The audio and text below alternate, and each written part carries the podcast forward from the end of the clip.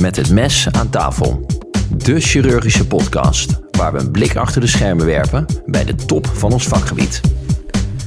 Beste luisteraars, vandaag met het mes aan tafel met Victor Alberts, Lars Brouwers en Anne Kuijer. De oudere medemens met een heupfractuur. Gamma-neel erin door de eerstejaars en klaar? Niets is minder waar. Achter de gebroken heup schuilt namelijk vaak een complexe patiënt met bijbehorende uitdagingen in de organisatie van zorg. Vandaar dat wij vandaag te gast zijn bij Han Hegeman, traumachirurg in de ziekenhuisgroep Twente Almelo en Detlef van der Velde, traumachirurg in het Antonius Nieuwegein. Han en Detlef zijn de grondleggers van de eerste geriatrische trauma-unit in Nederland en hebben proximale femurfracturen als speerpunt. Han is naast traumachirurg en gecertificeerd chirurg bij kinderen ook associate professor aan de Technische Universiteit Twente sinds 2020, gepromoveerd op osteoporose en founder van de International Geriatric Fracture Society, heeft acht studenten als co-promotor onder zich en meegeschreven aan 42 publicaties. Detlef, geboren in Husum, Duitsland, bij de Deense grens, maar woont al sinds zijn studie geneeskunde in Nederland. Is naast traumachirurg ook gecertificeerd chirurg bij kinderen, medisch manager van de zorgeenheid Heelkunde in het Antonius, co-promotor van zeven onderzoekers en hij heeft daarnaast zich ook nog bekwaamd in de Kaizen en Lean technieken om verspilling in een organisatie tegen te gaan. Welkom. Dankjewel. Dankjewel. Leuk dat we hier mogen zijn en um, samen met jullie uh, over dit onderwerp van gedachten te wisselen. Ja, uiteraard hebben we natuurlijk jullie cv's even doorgespit. En Han, eh, wat ons opviel was, je hobby is volgens je cv hockey kijken, maar niet het spelen ervan. Klopt dat? Ja, dat klopt inderdaad. Uh, ik heb in mijn studententijd heb ik wel uh, gehockeyd, maar dat was een heer in 13 van het GCAC.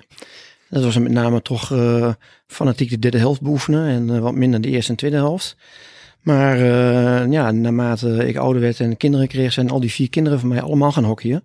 En doen ze best aardig. En ja, ik vind het ontzettend leuk om te kijken hoe dat technische spelletje door die jonge mensen wordt bedreven. En daar geniet ik enorm van. Dus je staat ieder weekend op het veld als je geen dienst hebt? Dat was, dat was wel zo, ja. Ondertussen zijn twee van mijn oudste kinderen die zijn gaan studeren in Groningen. maar die andere twee die spelen nog elke week. En daar ben ik vaak te vinden, ja. Dat, dat is leuk. Ja. En Detlef, je volgt een opleiding tot yoga-docent? Ja, dat is waar. Dat is uh, ergens een paar jaar geleden ontstaan als een soort ontspanning en hobby. En dan ga je daarin verdiepen en dan denk je, ja, ja, soft gedoe is alleen maar voor meisjes. Ja, waarom doe ik dat nou eigenlijk? Wat doet dat met mij? En nou ja, als je daar zo in verdiept, dan, uh, ja, dan, dan ligt een opleiding op de loer. En die heb ik dus uh, gevolgd, de eerste drie jaar daarvan. Het is een vierjarige opleiding, nog één jaar te gaan. En dan uh, ben je yoga-instructeur? Ja, dan ben je in principe yogadocent, kan je dat noemen. Uh, dat ben ik, kan ik ook nu al, want na het derde jaar ben je daarvoor uh, gecertificeerd. Het is niet een beschermde beroepsopleiding. Dat is hun probleem een beetje. Er zijn een paar hele goede yogascholen die daar wel aandacht aan besteden. Dat het volgens richtlijnen gaat en dat je gecertificeerd wordt en gevisiteerd. maar ja, goed, dat, dat kan ik me dan noemen. Ja, dat klopt. Ja. Leuk. Um, ja, en dan zijn we ook altijd benieuwd waar onze gastsprekers zijn opgegroeid en opgeleid. Uh, dus als we dan maar met Han beginnen. Waar kom je vandaan en hoe ben je opgeleid? Ik kom uit Twente. Uh, soms is dat te horen, hè? maar eigenlijk altijd is dat te horen. dus ik kom uit Hellendoorn, daar ben ik geboren. En ik heb een uh, middelbare schooltijd gedaan in Almelo, daar waar ik nu werk. Daarna ben ik naar Groningen getogen om student geneeskunde te worden.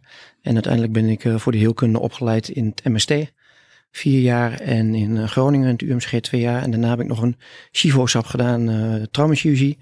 Twee jaar om traumachirurg te worden. En in die tijd uh, zat ik ook als uh, arts op het MMT. Dus dat was een hele leuke tijd. Ja, gaaf. En toch weer teruggekeerd naar uh, Almelo dus. Ja, vaak is het toch zo met tukkers, hè, vroeg of laat. Komen ze dan gaat het toch een beetje kriebelen. En toen kwam er een plek vrij. Heeft me niet zoveel moeite gekost, hè? toen. En toen kwam ik Detlef tegen. En toen kwam er een plek vrij in de maatschap. Toen dacht ik van, uh, nou, nou is het tijd om terug te gaan naar Twente. En nou ja, gelukkig wilden ze me daar hebben. Dus ben ik in 2005 teruggegaan naar Twente en dat bevalt heel goed. Leuk, dat valt mooi op zijn, op zijn plek weer, denk ik.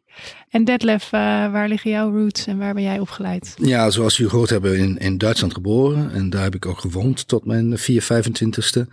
En aan, aan Bonn ook nog gestudeerd, de eerste drie jaar. En dan in het vierde tussenjaar tussengestroomd in Utrecht. En dan ben ik eigenlijk in Utrecht, was een bedoeling voor me één jaar te zijn. En dan ben ik echt blijven hangen. En hoe kwam dat zo dat je in Nederland bleef hangen? Nou ja, de, uh, mijn toenmalige vrouw die uh, woonde in Utrecht. en die ehm, ben ik dus achteraan gegaan. Dat is, Voor de liefde geëmigreerd. Dat wel, ja. ja leuk, ja. superleuk. En waar heb je chirurgieopleiding gedaan? Ja, ik was dan in Utrecht uh, met mijn studie bezig. Uh, en via een wetenschappelijke stage, promotieonderzoek, ben ik in Utrecht in Nieuwegein in opleiding gekomen. wat best wel bijzonder was als en buitenlander en niet roeiende en niet hockeyende uh, jongeman die ook niet in een vereniging zat. Ja.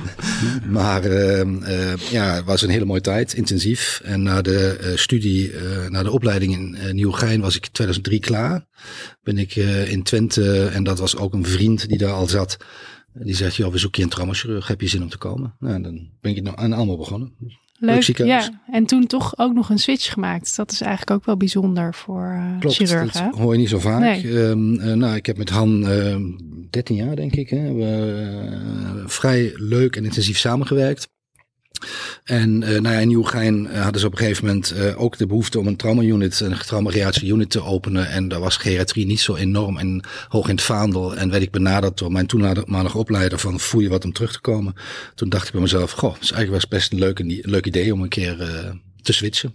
Ja, leuk. Dus op die manier weer in Nieuwegein, terug naar de roots. Onderwerp. Onderwerp. Onderwerp. Onderwerp. Van de week. Ja, dan uh, willen we het graag met jullie hebben over uh, heupfracturen.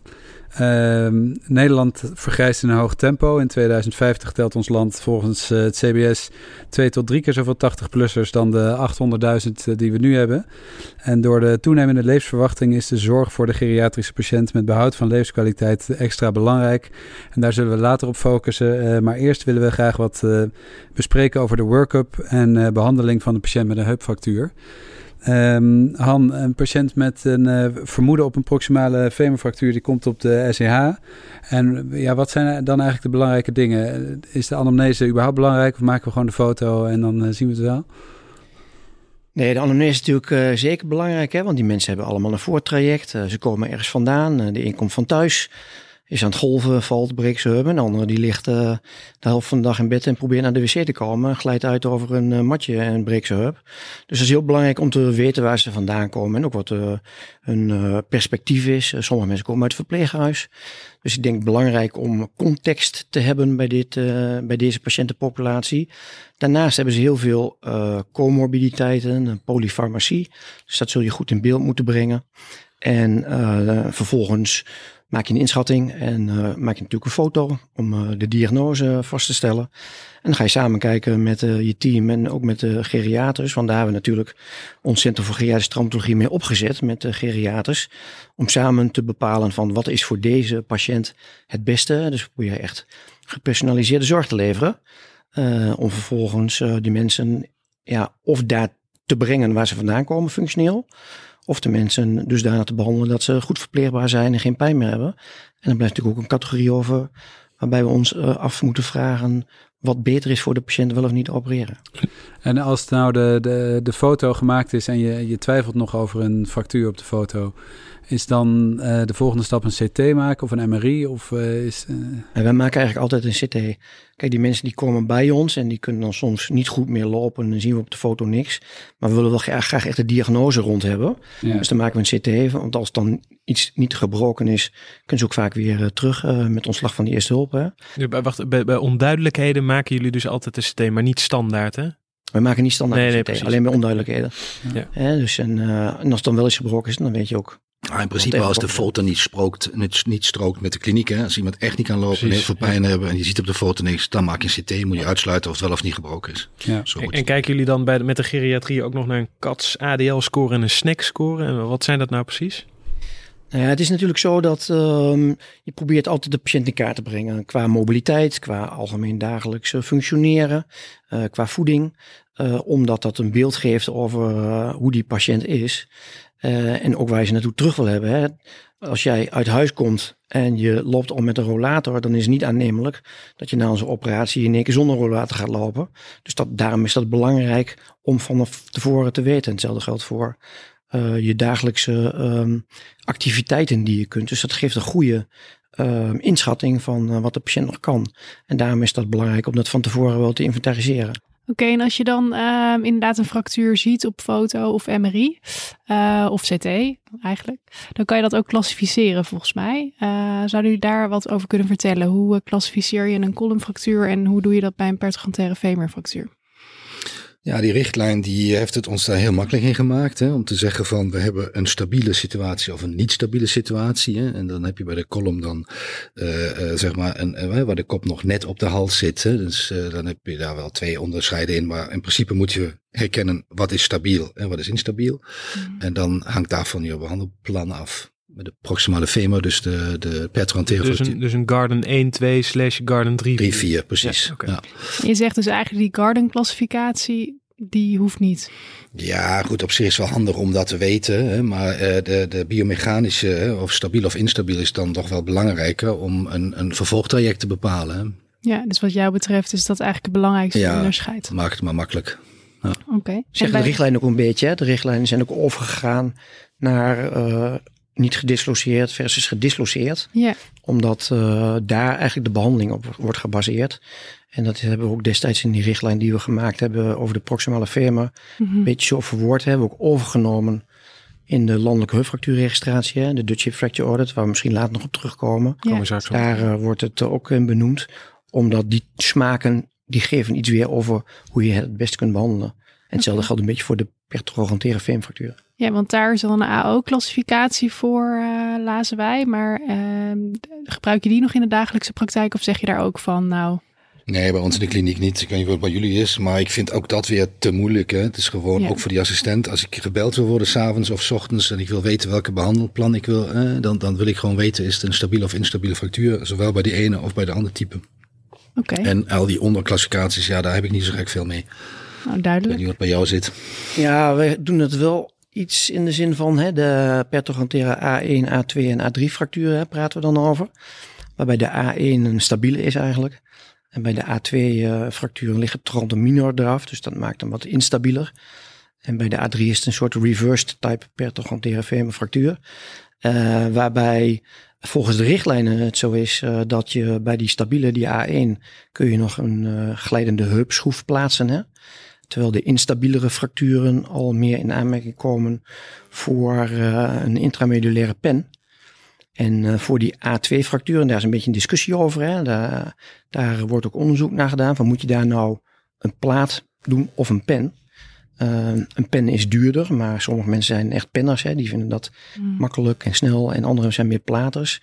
Dus daar is nog wel een discussie over. En de toekomst zal moeten uitwijzen uh, welke kant we op gaan. Want de plaat is wel goedkoper dan een pen. Ja, we gaan al een beetje door naar de behandeling. Maar voordat we doorgaan, in principe bestaat er bij de heupfractuur een operatieindicatie.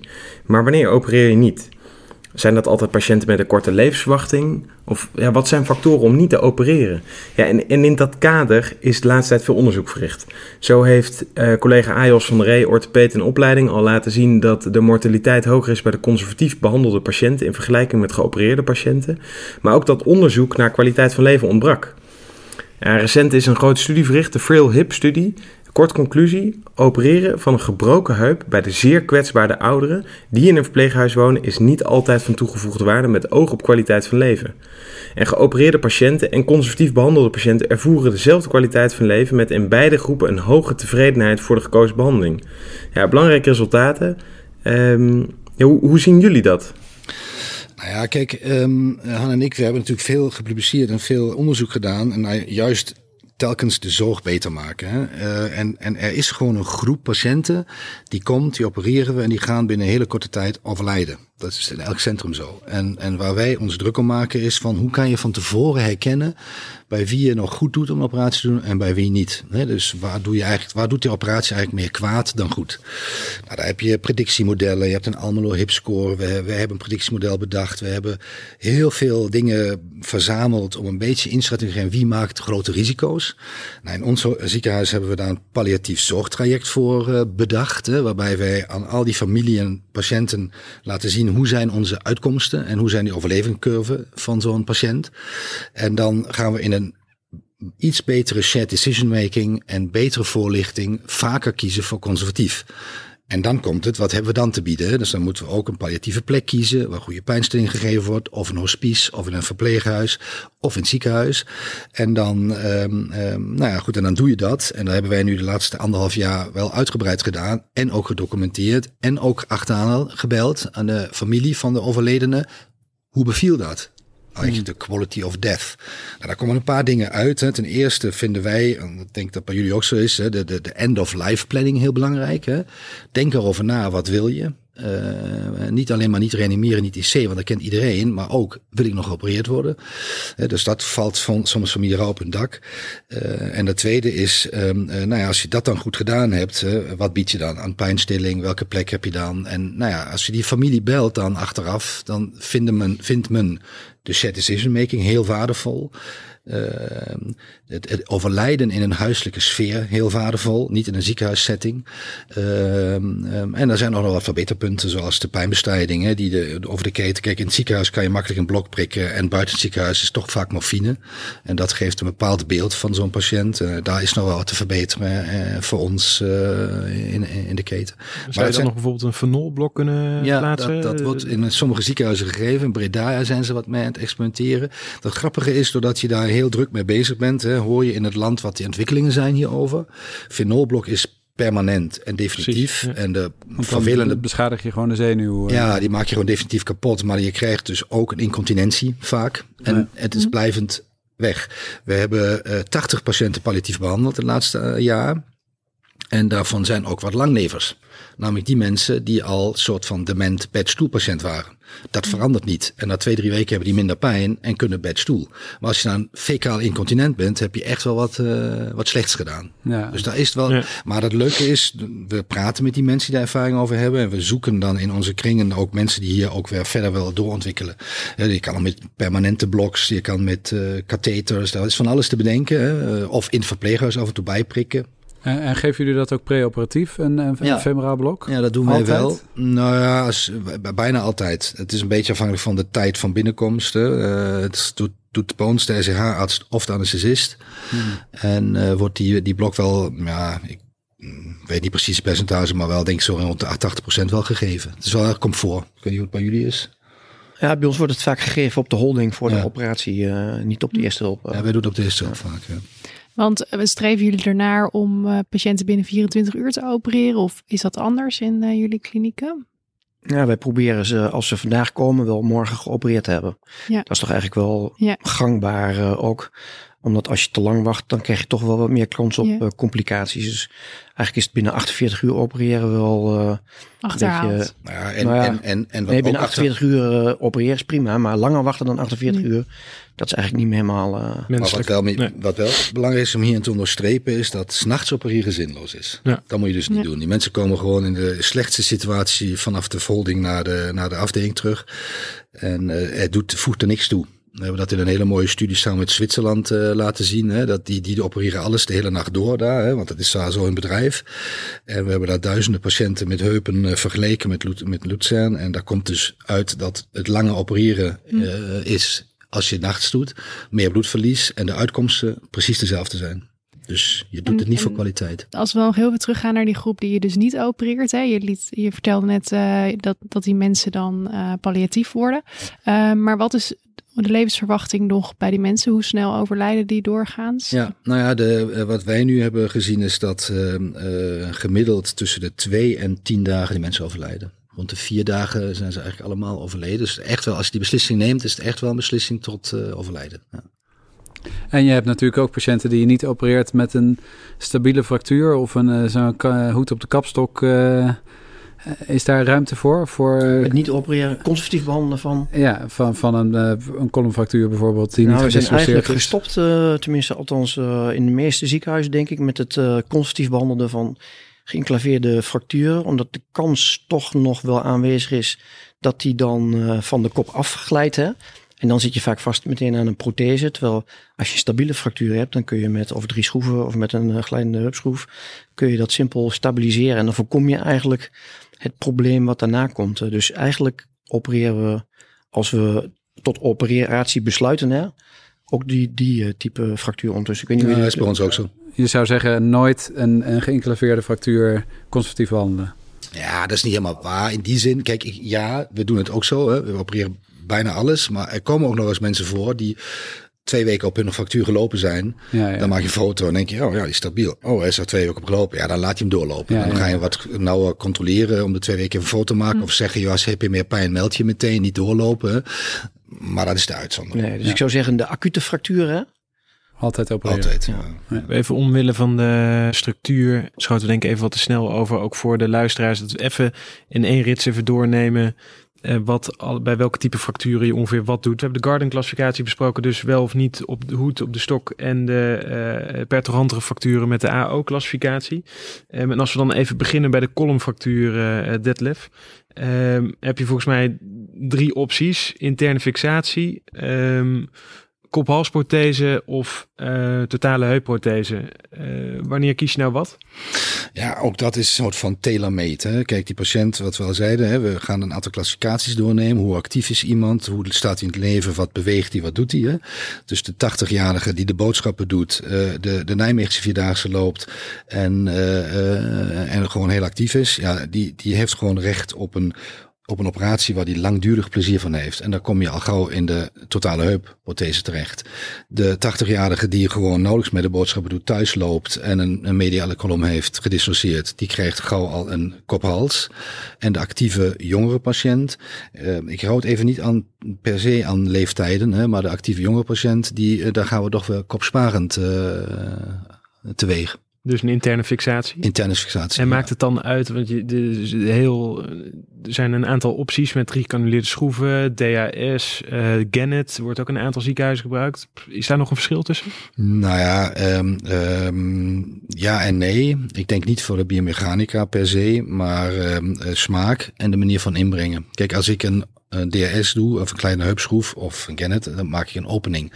Als ik een driekanalige schroeven doe, doe ik het percutaan. Dus daar, daar is dan de smaak van de operateur een beetje bepalend. eh, ga je het een of het ander doen? En altijd met een antirotatieschroef? Eh, gewetensvraag. Eh, nee.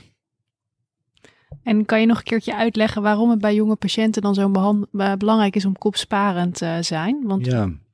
In principe moet je je voorstellen dat zo'n prothese, zeker een kop-hals, als je die neemt, hè, dan heb je gewoon eh, eh, RWS wat op je kraakbeen eh, drukt. En als je daar lang en veel op loopt, krijg je gewoon liesklachten. Dan moet je later alsnog die kop-halsprothese bij de actieve patiënt tot een totale ombouwen vanwege de klachten. Dus dat wil je voorkomen. Kopsparend, ja, als je met je eigen biologische kop rond kan lopen, is het natuurlijk vele malen beter dan met kunstmateriaal. Ja. Zeker als je nog een lange levensverwachting hebt. ja, duidelijk. En dan gaan we door naar de pertogantere femurfractuur. Ehm, daar zijn we dan andere opties. De gammaneel, PFN, glijdende heupschroef. Ehm, waarom verschilt die behandeling zoveel van de behandeling van een kolomfractuur? Ehm, is dat iets wat met uh, kopnecrose te maken? Of uh, wanneer kies je nou voor welke operatie bij de pertogantere fracturen? Nou, als je kijkt naar de pertogantere femurfractuur, dan is het zo, dan is dat een fractuur ter hoogte van je trochanteren, hè, het woord zegt het eigenlijk al. En die zitten natuurlijk wat verderop in je femur. En dat maakt het niet zo, uh, dat maakt het niet mogelijk om daar een prothese in te doen. Want die prothese die moet natuurlijk afsteunen op je kolom eigenlijk. Dus dat is de reden omdat daar eigenlijk niet goed een prothese in kan. En dan heb je dus die drie smaken. Je hebt de A1, de A2 en de A3 fracturen uh, van de pertoganteren. Waarbij, als we even beginnen met de A3, want die is eigenlijk wat dat betreft voor implantaatkeuze het makkelijkst. Daar gaat eigenlijk altijd een pen in omdat dat is vaak een instabiele fractuur. Die kun je niet goed behandelen met een glijdende heupschroef. Dus daar is eigenlijk niet echt veel discussie over, over die A3-fracturen. En is dat dan altijd een lange pen? Dat ligt een beetje aan waar die zich bevindt. Hè? Want als je kijkt naar de klassificatie, dan hebben we ook nog de smaak de subtrochantere femurfractuur. Die zit weer een paar centimeter distaler dan de A3 pertrochantere. En die subtrochantere wordt vaak behandeld met een uh, verlengde omdat die zo laag zit. Uh, het uiteinde van de standaardpennen zit te dicht bij de fractuur. Dus die subtrochantere wordt eigenlijk altijd behandeld met een um, lange pen. Als je een uitgebreide A3 hebt, kan dat ook. Hoeft niet altijd, maar dat hangt een beetje vanaf hoe de fractuur er op de foto uitziet. Dan heb je de A1-fracturen. Dat zijn eigenlijk de hele stabiele fracturen, hè, waarbij je trochanter minor intact is. En die is eigenlijk zo stabiel dat je daar in principe een glijdende heupschroef in zou kunnen doen. En dat gebeurt ook regelmatig, maar er wordt er ook wel regelmatig gekozen voor een, um, een pen. En die A2, dat is dus die tussenvorm waarbij de transaminor kapot is. Ja, daar is eigenlijk een beetje ook operateur afhankelijk is daar de keus voor uh, vaak voor een pen. En minder vaak voor een glijdende hupschroef. Terwijl die goedkoper is. Terwijl die goedkoper is inderdaad. En, en ik denk ook dat we daar nog een keer een mooie studie aan moeten wijden. Om te kijken of dat inderdaad, uit de literatuur blijkt dat qua functie even goed te zijn. Uh, alleen, um, ja, er zijn, uh, wat mensen wel zeggen, er zijn penners en platers. En de een vindt een pen gewoon makkelijk en snel en de ander vindt de platen prima. Um, maar daar kun je dus eigenlijk toch wel uh, nog de keuze maken tussen allebei. En, en zo'n pen, er gewoon intimmeren of riemen? Ja, je hebt natuurlijk de pennen die, die wij gebruiken, daar moet je een klein stukje riemen hè, om uh, de entree goed te maken. Uh, maar verder riemen uh, in de schacht sowieso niet. Nee. En soms moet je het kolom of de kop iets opriemen hè, met die konische boren die er zijn. Hoeft ook niet altijd. Dus dat is ook een keuze. Ook, ook, bij de verlengde is het een uitzondering dat je de schacht riemt. En bij de kophalzen cementeren? Dat is ook zo'n eeuwige discussie uh, volgens mij. Ja, wij gebruiken gecementeerde protheses. Daar is wat in de literatuur wat bewijsvoering voor dat dat de betere techniek is. Uh, uh, ja, als je de literatuur erop naleest en de richtlijnen, is bij de oudere patiënten met een mediale kolomfractuur is toch wel cementeren eigenlijk de standaard. Ja. ja. Oké, okay, en als we er dan even van uitgaan dat die operatie helemaal goed is gegaan en doorgaan naar het postoperatief beloop. Um, alle patiënten belast mobiliseren of aantippend? Altijd belast. Altijd belast. En wat, en wat doe je dan bij een um, 80-jarige met dementie? Ja, kijk, eh, deze vraag net uh, van Last, die prikte me wel even van de eh, complicaties en dingen. Dat, kijk, de meeste complicaties zijn niet operatiegerelateerd. En kijk, de winst die Han en ik met dat geriatrische uh, systeem, zeg maar, hebben mhm. bereikt, mm -hmm. is een behandelconcept. En daarvan is de operatie één onderdeel. Hmm. De meeste complicaties hebben die mensen door algemene, door het oud zijn, hè, de lier, dementie, door de uh, urineweginfecties, uh, pneumonie, uh, dat, ondervoeding. dus daar komen de echte complicaties vandaan. Ja. ja, en dat is denk ik ook wel belangrijk om in je postoperatieve ja. beloop dan in de gaten te houden, denk ik. Klopt. Um, dus betekent dat voor jullie dat iedere oudere met een heupfractuur na de operatie verplicht fysiotherapie meerdere keren per dag? Of hoe uh, ondervangen jullie dit soort dingen? Ja, meerdere keren per dag is altijd een ding, hè? want iemand moet het ook aankunnen. Hè? Hm. Als je zo kwetsbaar en oud bent, kan je, uh, als je twee keer per week al, uh, dan is dat goed. Maar wel direct uit bed, wel direct postoperatief de fysiotherapeut erbij, diëtisten erbij. Dat is een heel behandel concepten. Het is ook niet voor niks dat uh, in Almelo en, en bij ons VS'ers of PA'ers uh, meer de, de zaaldokter zijn dan artsassistenten. Yeah. Omdat je daarmee een veel constantere factor op de afdeling hebt. Yeah. Die veel protocolaire ja. werkt. En je moet je denk ik een beetje voorstellen dat bij die patiënten, die krijgen vrij veel complicaties helaas. En de helft ongeveer, die krijgt een complicatie. En dat is, uh, de top drie is vaak delier, mm -hmm. pneumonie urineweginfect. Uh, maar ze krijgen bijna nooit in uh, het ziekenhuis een chirurgische complicatie. Af en toe een hematoom of zo. Hè? Mm -hmm. Hè, dus uh, de niet-chirurgische complicaties tijdens de opname is verreweg het meeste. En daar hebben Detlef en ik toen van gezegd van oké, okay, wij als traumachirurgen kunnen goed fracturen behandelen. En dat vinden we leuk en dat doen we veel en dat doen we vaak. Uh, maar dat niet-chirurgische deel, daar zijn wij minder goed in. Uh, maar we zijn wel verantwoordelijk voor die patiënt. En daarom zijn we ook nog steeds hoofdbehandelaar van die patiënt. Dus wij moeten gewoon ervoor zorgen dat wij die zorg rondom die patiënt goed regelen. En daar hebben we andere mensen voor nodig. En toen hebben we gezegd van uh, wij um, gaan daar andere mensen voor vragen. En de grap was, we zaten op een gegeven moment bij elkaar en we zaten met mensen te praten. En toen bleek dat er in Amerika een centrum voor geriatrische traumatologie was. Terwijl wij dachten van, nou, dat moeten wij uh, in uh, Nederland ook hebben. Toen zijn we naar Amerika gegaan.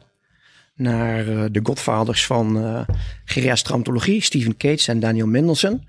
Toen zijn we daar een paar dagen geweest en toen dachten we, ja, dit is, dit is wat we willen hebben. Toen zijn we teruggevlogen naar Nederland. Toen zijn we met ons geriatrisch in gesprek gegaan en hebben gezegd, oké, wij zijn goed in trauma. Jullie zijn goed in oudere patiënten. Laten we samen gaan en laten we samen zo'n centrum maken, zodat we samen ervoor kunnen zorgen dat die patiënt veilig door het ziekenhuis gaat. Nou ja, dat was in 2008. Acht, ja. 14 jaar geleden. En, uh, en dat was dan de geboorte van de eerste traumageriatrische Dat was de geboorte unit. van de eerste CVGT, zoals we dat hebben genoemd. Ja. ja. Nou, mooi. Dus jullie zijn de godfathers van Nederlandse bodem dan. Ja. Ja, ja, ja. Ja. Ja, ja. ja. Eigenlijk ja, wel. Ja, toch?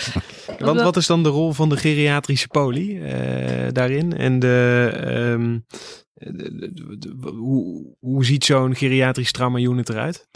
Nou, in principe ehm, ehm, eh, is het co-managed care het woord. Dus je gaat het samen doen. Dus een patiënt die wordt geopereerd en die wordt en pre- en postoperatief gevolgd en medebehandeld door de eh, ouderen geneeskundigen. Dus, en, die, ehm, eh, en, en samen zorgen we dat we anticiperen op al die problemen die zouden kunnen ontstaan. Dus in principe is het dagelijks aan bed samen die patiënt door die opnames sluizen en eh, goed voor hem zorgen. En we hadden destijds toen ook al bedacht van oké, hoe gaan we dit vormgeven? Want eh, wij zijn natuurlijk traumachirurg, opereren, spreken doen. Eh, de zaal wordt heel vaak uitbesteed aan de assistenten. Hè? Eh, en we willen ook graag de geriater erbij betrekken. Maar we moeten ook niet eh, het zo hebben dat de geriater onze zaalarts wordt. Hè? Want dat was in het begin natuurlijk een beetje de angst. Zei de geriater van ja, alles goed en wel, maar eh, ik ga niet jullie zaalarts worden. Dus toen, toen dachten we van oké, we moeten dus mensen op die afdeling hebben die daar door de week in ieder geval altijd zijn. En toen hebben we gezegd van nou, dan moeten we dus verpleegkundige specialisten of PA's moeten we gaan werven. Om die ervoor, die moeten dan voor onze patiënten zorgen. En die moeten als er een intern probleem is met de geriater overleggen. En als er een chirurgisch probleem is, moeten ze met ons overleggen. Nou ja, dat plan hebben we toen geschreven. Hè. Bij de raad van bestuur hebben we dat eh, eh, gebracht. Hebben gezegd, nou als we dit willen, dan is het belangrijk dat die case manager, dat is het dan eigenlijk, die verpleegkundige specialist, die moet wel echt komen. Eh, en dat hebben ze ons toen toegestaan. En eh, ik denk dat dat wel een hele goede zet geweest is om die zorg gewoon eh, goed te, regelen. Want die verpleegkundige specialist, die loopt visite. Die gaat nu één uur per dag met de geriater gaat zij zitten en dan bespreken ze de problemen. Geriater kijkt daar waar nodig is naar de patiënt als het een, iemand is die echt heel erg kwetsbaar is of problemen heeft. Als er chirurgische problemen zijn, dan eh, kijken wij. En twee keer in de week hebben we een MDO samen met eh, iedereen, met fysiotherapeut, maar ook met de specialist oudere geneeskundige uit het verpleeghuis. Eh, om zo die zorg ja, vorm te geven. Maar die verpleegkundige specialist is wel echt heel belangrijk. Dus als ik, als ik eigenlijk de geriatrische trauma unit in manschappen eigenlijk samenvat, is de artsassistent die neemt de patiënt op. eh, of de spoedeisende hulp neemt de patiënt op. De patiënt wordt geopereerd door de chirurgie. Komt daarna op een gemeenschappelijke afdeling te liggen tussen de chirurgie en de geriatrie. De verpleegkundige specialist loopt visite. En dan heb je daar een heel peloton aan hulpverleners rondom. Bestaande uit geriater, een traumachirurg, een fysiotherapeut, eh diëtisten eh, wellicht. Die daar allemaal zorgen dat, dat, de, dat de zorg rondom de heupfracturen eigenlijk perfect gerealiseerd is. Nou ja, het is nog, nog iets geavanceerder. Namelijk, die jongens daar in Amerika, die hebben ons een pak papier meegegeven. Dat heet zorgpaden. En eh, volgens die zorgpaden hebben we elke dag gedefinieerd wat op elke dag moet gebeuren. Wie wanneer bij moet komen. En wordt naar een vast zorgpad gewerkt. En eh, het tweede wat ze ons geleerd hebben, en dat we allebei ook doen, is alles bijhouden. Databases bijhouden. Wat ben je aan het doen? Welke interventie gaat welke gevolgen maken? Ehm, ehm, ja, en dat maakt het concept sterk. En wat hebben jullie nu gezien als resultaten daarvan sinds de invoering van eh, de trauma unit? Nou ja, in het begin hebben we natuurlijk heel weinig geschreven. En hebben we eerst maar even geïmplementeerd en kijken wat doet dat. Ja. Maar die eerste resultaten in Almelo hebben we wel laten zien dat je gewoon, eh, als je dit goed doet, eh, hebben wij gewoon eh, het aantal overledenen om, om, om 30% gereduceerd. Ja. Ik zeg altijd, daar is geen pilletje of chemokuur die 30% minder doden maakt. En dit is een conceptverandering. Ja, ja, ja. En zijn patiënten dan ook sneller naar huis? Ja, kijk, ik denk, we hebben allebei zes, zeven promovendi afgeleverd, die allemaal in die hoek onderzoek doen. Hier is heel veel te winnen. Eh, Het feit al dat je op dag nul kan, hè, met kom binnen, kan, kan bepalen waar die naartoe gaat. Dat hebben we eh, in, in flowdiagrammen door de data te bekijken. Eh, die palliatieve dingen, voorspellen van dingen, hipscoren, ja, al die dingen maken dat je je zorg fine-tuned en beter maakt en, en, en naar, je, naar je eigen doen kijkt. Maar het is wel interessant wat je zegt, want in jullie richtlijn eh, stellen jullie eh, dat, de, eh, dat het een gunstige, dat de, multidisciplinaire geïntegreerde zorg, dat het een gunstig effect heeft op de ziekenhuisopnameduur, herstel van functioneren op korte termijn en kans op direct ontslag naar de pre-existente woonsituatie vanuit het ziekenhuis. Maar dat het bij versneld ontslag geen effect heeft op de mortaliteit, functioneren na vier maanden, kwaliteit van leven en kosten. Ja, deze vind ik nu even lastig hoe je hem beschrijft. Maar kijk, in principe hebben Wat we dan aangetoond dat binnen het ziekenhuis van alles beter wordt. Hè? Omdat je beter naar kijkt, heb je minder complicaties, betere overleving. En ehm, ehm, het streven is mensen na drie, vier, vijf dagen het ziekenhuis weer uit te hebben. Omdat als ze langer er blijven, ze complicaties in het ziekenhuis oplopen. Eh, ehm, ja, en het is gewoon leuker, leuker zorg leveren. Ik denk ook diezelfde verpleegkundige specialist waarvan we toen dachten van dat is belangrijk dat we die hebben, die is uiteindelijk ook gepromoveerd op dit precies, onderwerp. ja. En in het proefschrift van eh, haar heeft ze ook benoemd eh, dat het inderdaad leidt tot eh, minder mortaliteit. En eh, in het ziekenhuis of in het op jaar, lange In het jaar, lange termijn. lange termijn. Eénjaarsmortaliteit heeft ze met name naar gekeken. En eh, wat belangrijk is met betrekking tot die eh, doorstroom of de lichtduur. Kijk, we kunnen de lichtduur niet helemaal beïnvloeden, want daarvoor zijn we afhankelijk van andere partijen. Hè? Dus verpleeghuizen, belangrijke mate. Wat we wel gedaan hebben, we hebben de logistiek verbeterd. Dus vroeger was het zo dat ehm, bijvoorbeeld de mensen die gingen over het doorplaatsen naar verpleeghuis, die kwamen op het moment dat de patiënt ongeveer ontslag klaar was. En dan begon de wachttijd. Wij hebben gezegd van moest luisteren. Wij weten dat bijna iedereen na vijf dagen ergens anders naartoe kan. Want of ze kunnen weg of ze hebben een complicatie. Dus je kunt eigenlijk op dag één kun je zeggen van patiënt kan op dag vijf naar de vervolginstelling.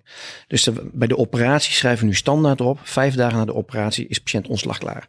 En dat is ook bijna altijd zo. We hebben ook onderzoek gedaan naar wat er gebeurt als je patiënten langer laat liggen. Dus na vijf dagen bij ontslag klaar. Maar de patiënt kan niet weg omdat er geen plek is in het verpleeghuis. En vervolgens gebeuren er allerlei dingen tussen dag 5 en dag 14 bijvoorbeeld. Mensen krijgen op dag 7 krijgen ze een pneumonie of dan krijgen ze iets anders. Vervolgens kunnen ze niet meer weg. Omdat ze als je in het ziekenhuis een pneumonie krijgt, lig je aan de IV antibiotica voor vijf dagen. Ja. En dan kunnen ze weer heel slecht naar het vervolgtraject. Dus we hebben ook gezegd van ze moeten eigenlijk op dag 5 ook weg. Want langer in het ziekenhuis is eigenlijk niet zo gezond. Je krijgt allerlei andere problemen. En, en dat hebben we eigenlijk allemaal een beetje geleerd door net wat dit level ook al zei. Alles bijhouden, eh, nadenken over waar we mee bezig zijn, nog beter proberen te maken. En dan blijkt dat je dus de zorg beter kunt maken. Eh, logistiek kun je heel moeilijk veranderen. Ja, het klinkt echt als wel eh, ja, hele mooie resultaten die jullie behaald hebben.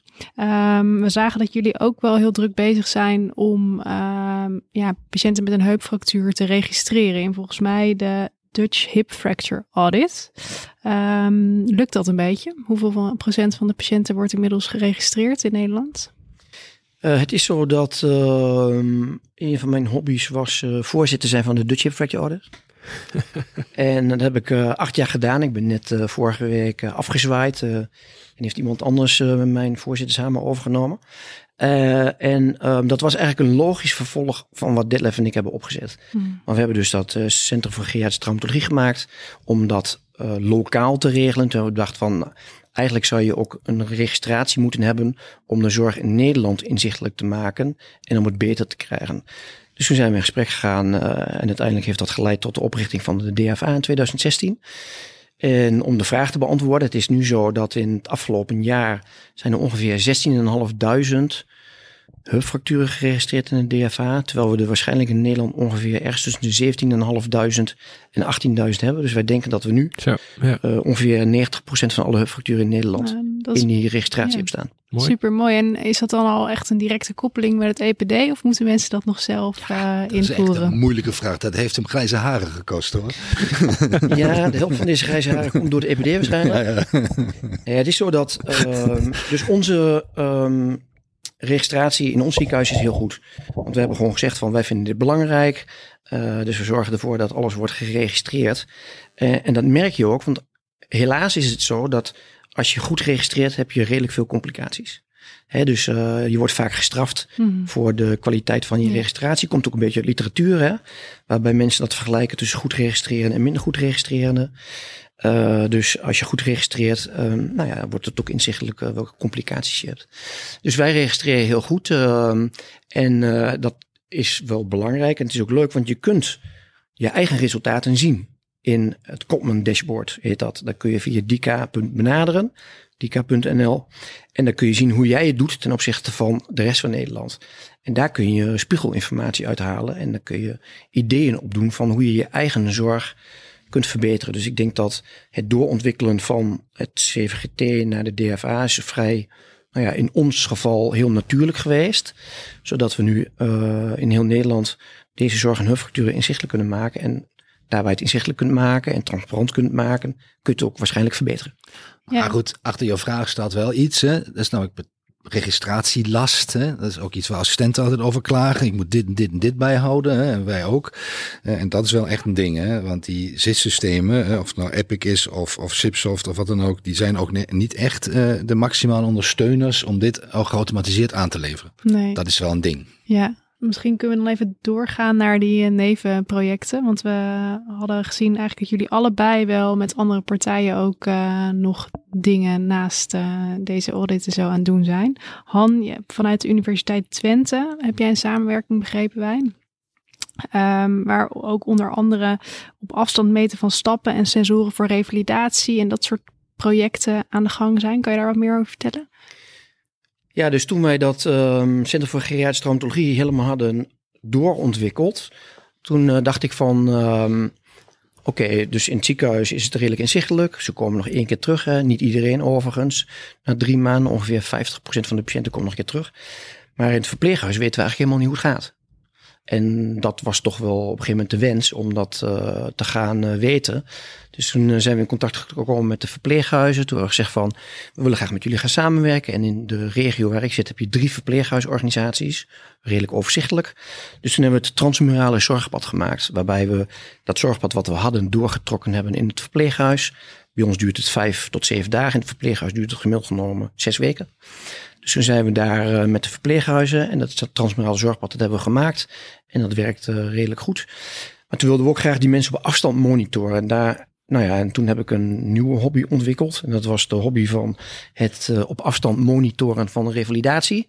Met wearables. Hè. wij doen dat bij heupfracturen met een klein blokje op het been. En dat is een soort accelerometer die in drie richtingen de bewegingen kan meten. En we zijn nu aan het kijken van, kunnen wij de revalidatie snelheid van onze patiënten meten.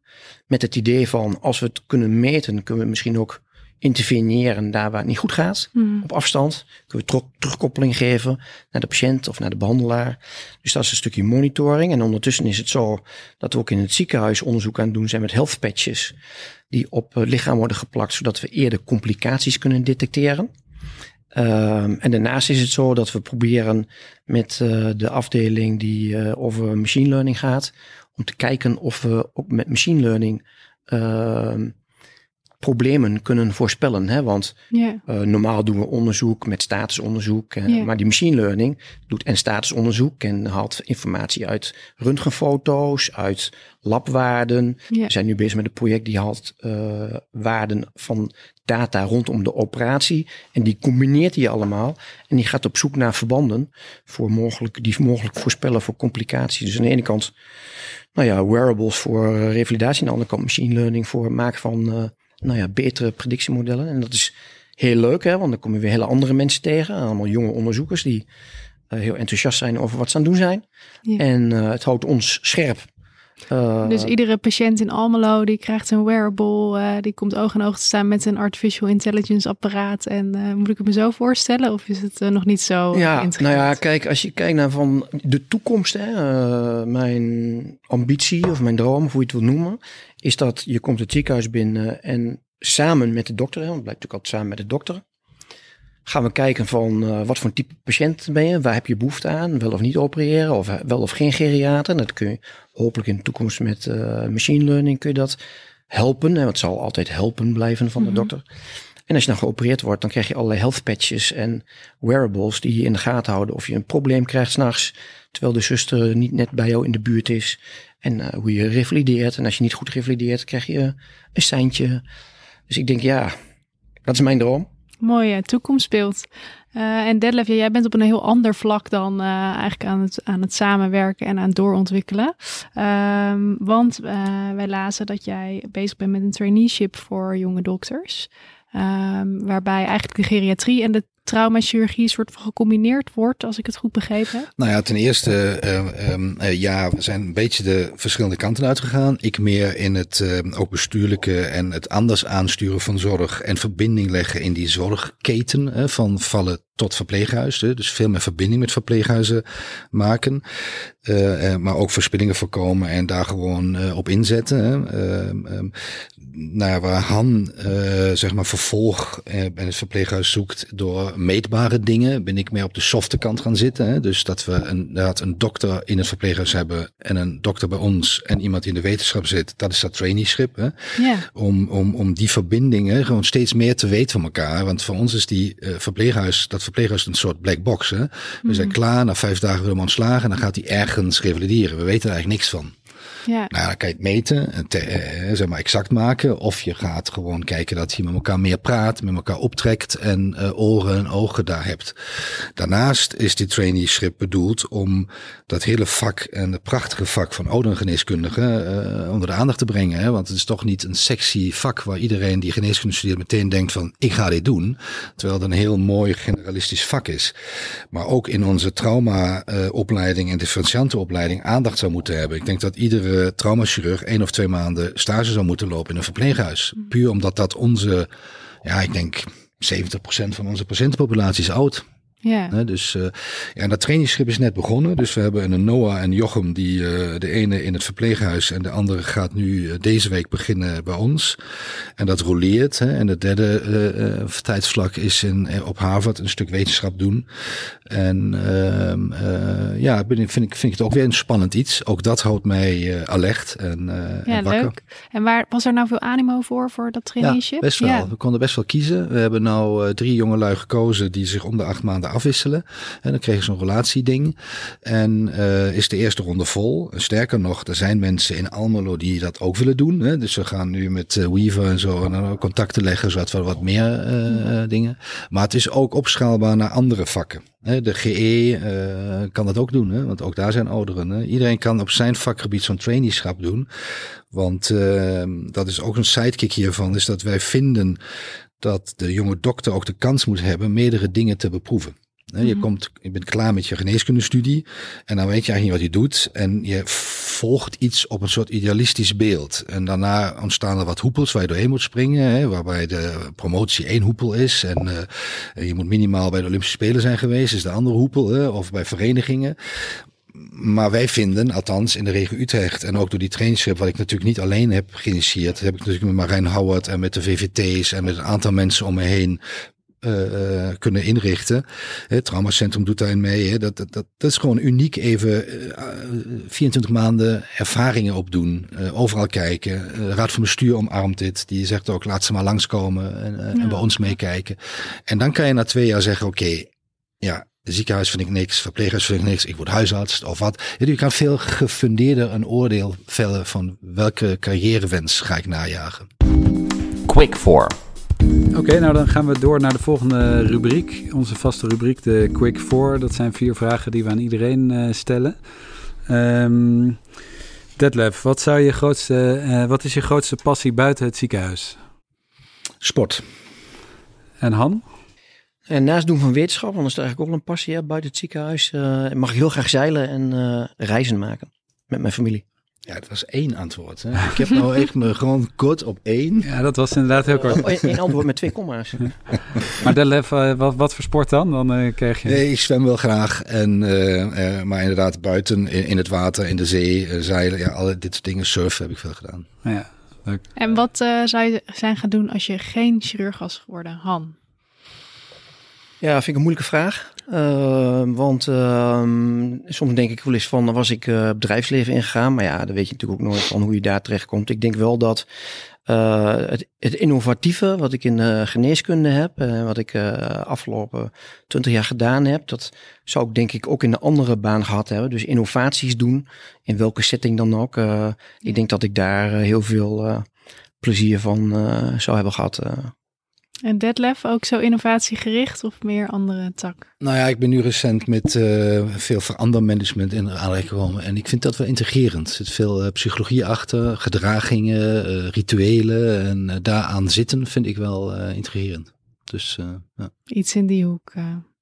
En wat uh, zou je jezelf als advies geven op dag 1 van de opleiding, Detlef?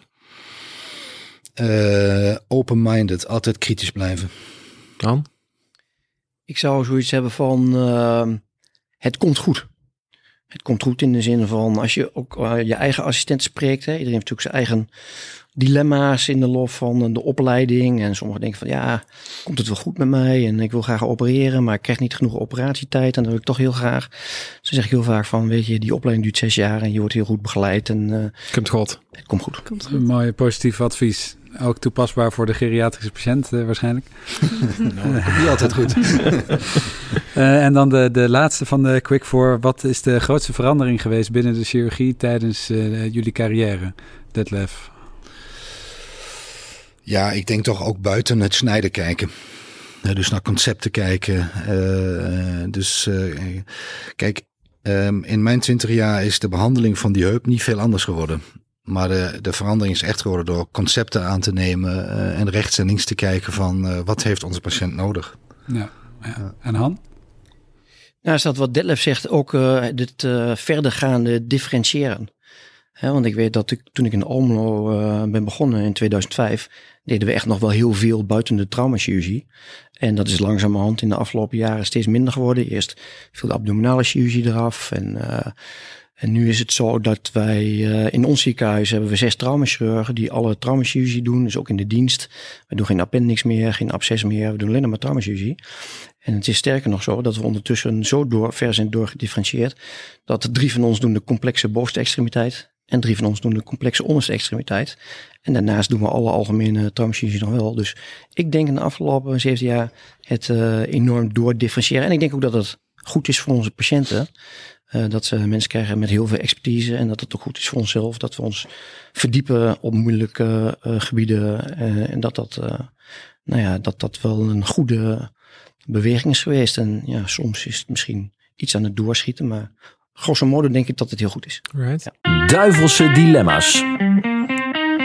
Um, we eindigen altijd met een aantal duivelse dilemma's. Uh, die hebben jullie niet van tevoren kunnen inzien. Uh, dus we doen er uh, om en om een, eerst een aantal aan Han en dan aan Detlef.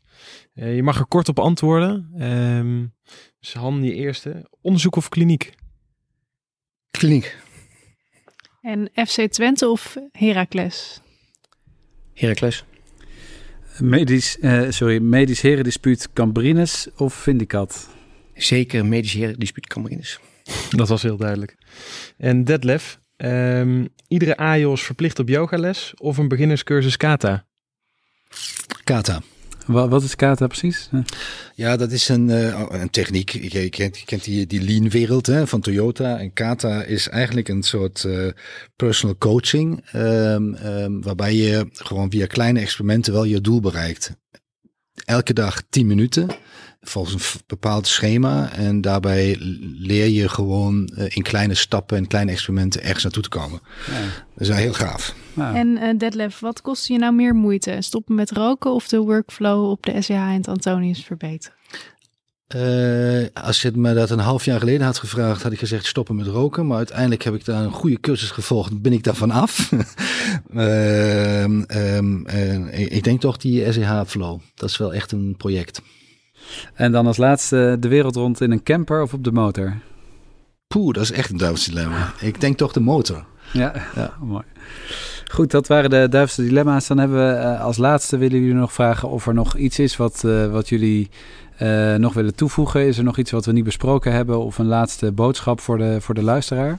Ja, ik denk wel, één ding heb ik wel. Hè, wat, waar ik in mijn hele carrière het meeste heb gehaald is samenwerken en open zijn, hè, verbindingen leggen. Nou, wij hebben nu binnenkort een kliniekdag waar wij vanuit Utrecht naar uh, Almelo gaan om te kijken hoe Han dingen doet en ook met zijn wetenschappers dingen doet. En daarna komt Han met zijn team bij mij om te kijken wat wij doen.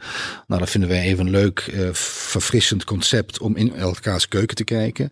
En ik heb in mijn carrière door samen te werken en dingen te delen, ook echt niet op resultaten te zitten of wat dan ook, maar gewoon dingen delen, heb ik de meeste progressie bereikt. En dat wil ik heel graag blijven doen. Dat zou ik ook iedereen mee willen geven. Kijk gewoon naar rechts en links, wees open.